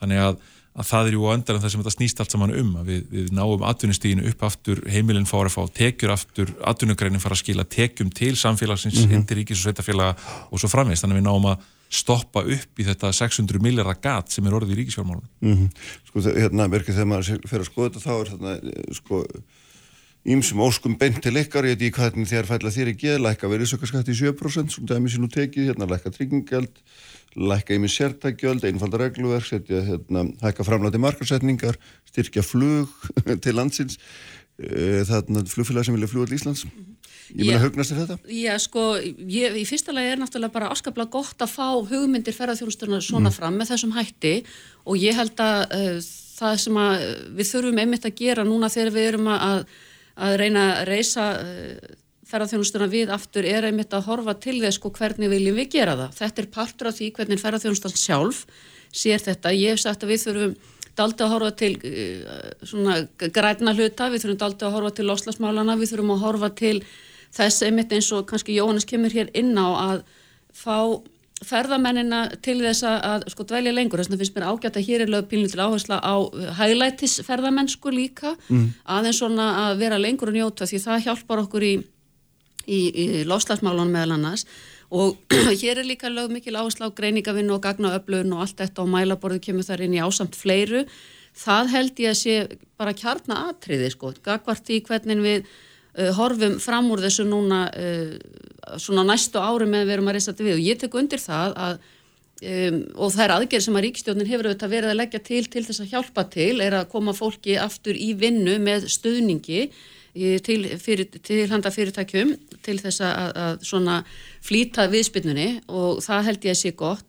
En svo er auðvitað bara, já, markastunningur um flugi, ég er náttúrulega að tala mjög mikið fyrir því að, að við styðjum flugið uh, á fleiri staði heldur en Keflavík. Talandi um Akureyrarflugvöll og Eilstaðaflugvöll og annað slíkt sem uh, að því að ég held að það skipti líka máli fyrir þessa fjölbreyttu ferðarþjónustu að við fáum fólk beintin á staðina Mm. uh, og að því að það er líka uh, sparar kólefnisspori þar að segja að þú ert að, ekki að keira eins mikið eins og ella hugsanlega. Þannig að það er og, og er, ert að efla kannski líka uh, tiltekin svæði sem að hafa setið eftir þannig að það er að mörgu að hyggja í þessu og sko varðandi auðvitað margar eru hér uh, tillögurnar og hugmyndirnar og auðvitað þurfum við bara vinstri græn að rýna þær um, horfa á það sko hvað við teljum að það er skili og, og, og hérna út frá því hvað hér er verið að leggja til að ríki og sveitafjölu leggja til. Ég er alltaf daldi feimin við sko tryggingagjaldið, það stendur auðvitað undir atvinnlistryggingasjóði og fæðingarálasjóði sem eru, uh, er búið að vera auka daldi verulega í núna þannig að það er svona, einhver stað verður við þá að fá þá peninga, Mhm. þannig að það er auðvitað margt undir sem að, við, við þurfum að hor- horfa Já, til. en þegar þú segir það þarf að taka mið af lofslagsmálunum, hvað þýðir það nákvæmlega í þínum huga, hvað þýðir eitt heitið augljósa í lofslagsmálum er að það er að draga úr flugi það er. Væri mjög skjótvirkað ferð Já. og mjög góð, ef menn vilja horfa á þannig Já. Menna, hvað þýðir þetta þegar þú ert að hugsa þetta? Já, sko, fyrst og fremst er, sko, snýr það kannski að því að eh, til okkar kemstu illa nefn að koma á sjó eða í, í Já, já. flugi, sko, og hérna, þess vegna erum við að tala um það kannski að fá fólk til að dvelja lengur. Eh, ekki að koma hér eins og við heyrðum með daginn, dagsferð sem átt að fara í að skoða gósið og enda þessu bara með ferð fram og tilbaka. Mhm. Eh, fyrir utan það að það skilar í sjálfu sér sko samfélaginu ferðarþjónustunni litlu. Um, þannig að ég, það er fyrst og fremst þetta að fá fólk til þess að uh, dvelja hér lengur. Nú, uh, bílalegurnar hafa verið að stíga stór skref í að rafvæða bílaflottan sinn, uh, fá inn öfluri bíla sem að komast lengra og við þurfum að þjætta netið okkar uh, ríkið, uh, hérna varðandi það til dæmis. Þannig að þetta er svona að hjálpast allt saman til í, í, í þessari, segja, grænu, lofslagsvænu, vænu endurist. Af því Mhm. ég held að við um heldur ekkert að horfa á og ég til að ferðarþjónusta sé ekki að gera það horfa á að við förum þangað sem við vorum heldur einmitt verður það dáltið svona með öðrum hætti um, ekki bara út frá lostasmálum heldur bara svona almennt að þá erum við að fá alls konar fólk en samt líka kannski að ferðarþjónustan mætir þeim með öðrum hætti kannski heldur en hún gerði áður. Ég held einmitt að þessi þróun sé að, sé að verða bara og hún, hún var byrjuð og hún, hún mun halda áfram þegar við komumst aftur á, á fæturna. Mm. Eh, það sem við höfum lagt mjög mikla áherslu á í, í, í vinnunni satt, við að gera þennan vegvísi eh, og þess að leggja fram þessar tillögur er að hafa til hliðsjónar stefnuramma ferðarþjónustunar, þar að segja stefnuramman sem, að, sem, sem eh, atvinnugreinin og stjórnvöld unnu saman 2019 sem, að, sem er kallaður framtíðasín og leiðaljós ferðarþjónustuna til 2030.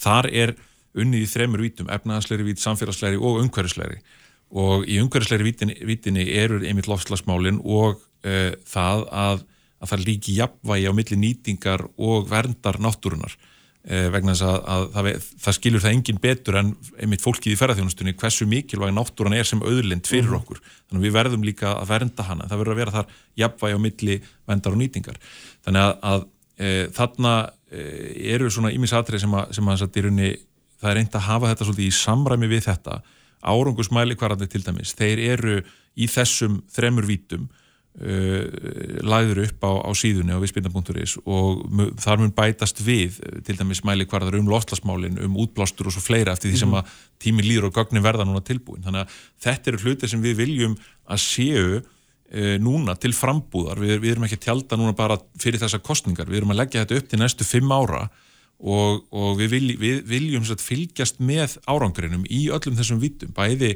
ekki bara þessum efnaðaslegu og hvernig arðurinn kemur inn og hvernig hann skila sér til ríkisins, heldur Mhm. líka einmitt hvernig tekur samfélagið á móti ferðamannum, hvernig upplifur ferðamæðurinn samfélagið, þjónustuna hér og annað. Mhm, og, En ertu, ertu, ég meina, ég finnst að vera ákveður svona ósamræmi í því að vera með styrkit í markasetningar, niðugriða flug, hérna, þú ert að gera allt sem þú getur til þess að móka inn fólki, en um leið ætlar eitthvað meina að stíða þetta varlega til jarðar og ekki gera eins og þetta var og þú ætlar að stilla, stilla af hérna, uh, stilla af á móti. Að þannig er hérna getur skapast alveg augljóslega bara mjög svipustað að verið hefur og það streymir inn fólk og þú getur ekki lítið í því gert Já, raun og veru sko- alltaf að setja hömlur á það. Ég skil hvað fólk óttast í þessu samba, sambandi en við verðum átt okkur á því að til að þessi atvinnugrein skil í raun og veru arði fyrir samfélagið og ríkið þá þurfum við að vera með hérna á milli 1,5 miljón til 2 miljóna ferðamanna. Það er bara þannig sem hún Aha. fer að vinna og Já. skilar arði fyrir ríkið. Við þurfum að gera alls konar hluti eins og til dæmis þarna eru til dæmis tillögur um uppbyggingu áfangastaða, búa til nýja segla, dreifa þeim betur um landið, koma einmitt meira flugi inn á akkurir og eilstaði og svo framvegis sem að eru stór verkefni sem við hefðum hvort þið er þurft að takast á við til þess einmitt að passa upp á það að ágangurinn á ákveðna staði verði ekki á mikil. Þannig að þar eru heilmikil verkefni sem að til dæmis þessar tillögur taka á að, að hluta til.